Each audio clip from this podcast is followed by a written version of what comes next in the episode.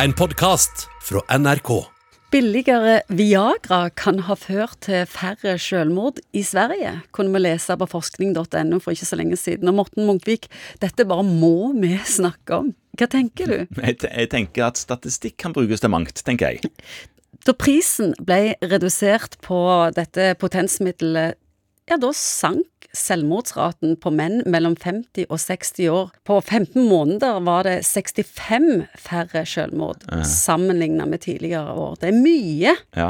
Det, det kan sikkert stemme at Viagra kan være med på å gjøre at enkelte menn vil eh, føle seg bedre med seg sjøl, og såpass mye bedre med seg sjøl at det vipper en eh, håpløs situasjon over i noe som kan leves med. Men så vil jeg òg si at det at det er en tidsmessig sammenheng mellom de to hendelsene, gjør jo ikke at det er en årsakssammenheng nødvendigvis. Du er skeptisk. Ja, jeg er skeptisk til automatisk å hoppe til den konklusjonen. Selv om det selvfølgelig kan være noe i det, så tror jeg ikke at det nødvendigvis er hele årsaken. Det er andre leger som er litt uenige med deg. De sier at en mann er sin penis, for å sette det på spissen. At det, når du blir frarøvet en så stor del av livet som potensen og mulighet til å ha sex, så kommer det en så stor sorg at Hva er vitsen? Jo da, jeg, jeg skjønner jo at, som jeg sier, det, det kan være noe i dette her, men jeg tror Jeg ser på meg sjøl som noe mye mer enn bare min penis, altså. Må jeg si. Ja, Men alle er jo ikke like ressurssterke som deg. Nei, nei, jeg skjønner jo det. Og jeg, jeg forstår jo at dersom det For de som har en utfordring med eh, seksualfunksjon, så føler en jo at ganske mye verdi av livet kan være borte. Ingen problemer med å skjønne det, og jeg bruker mye tid på å hjelpe folk til å få et bedre seksualliv.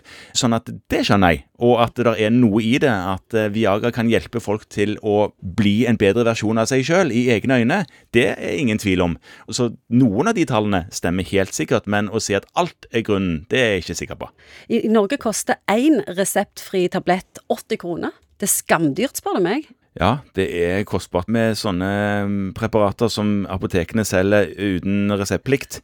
Men hovedpoenget her må jo være at dersom en person føler at de underpresterer seksuelt fordi at de har et eh, problem med ereksjonen sin, så kan de komme og snakke med lege om det, og se om det er noe hjelp å få med medikamentelt, eller med andre hjelpemidler. Det finnes andre ting òg som det går an å bruke, som kanskje kan ha effekt. I Norge ble det for drøyt et år siden lov å selge reseptfritt.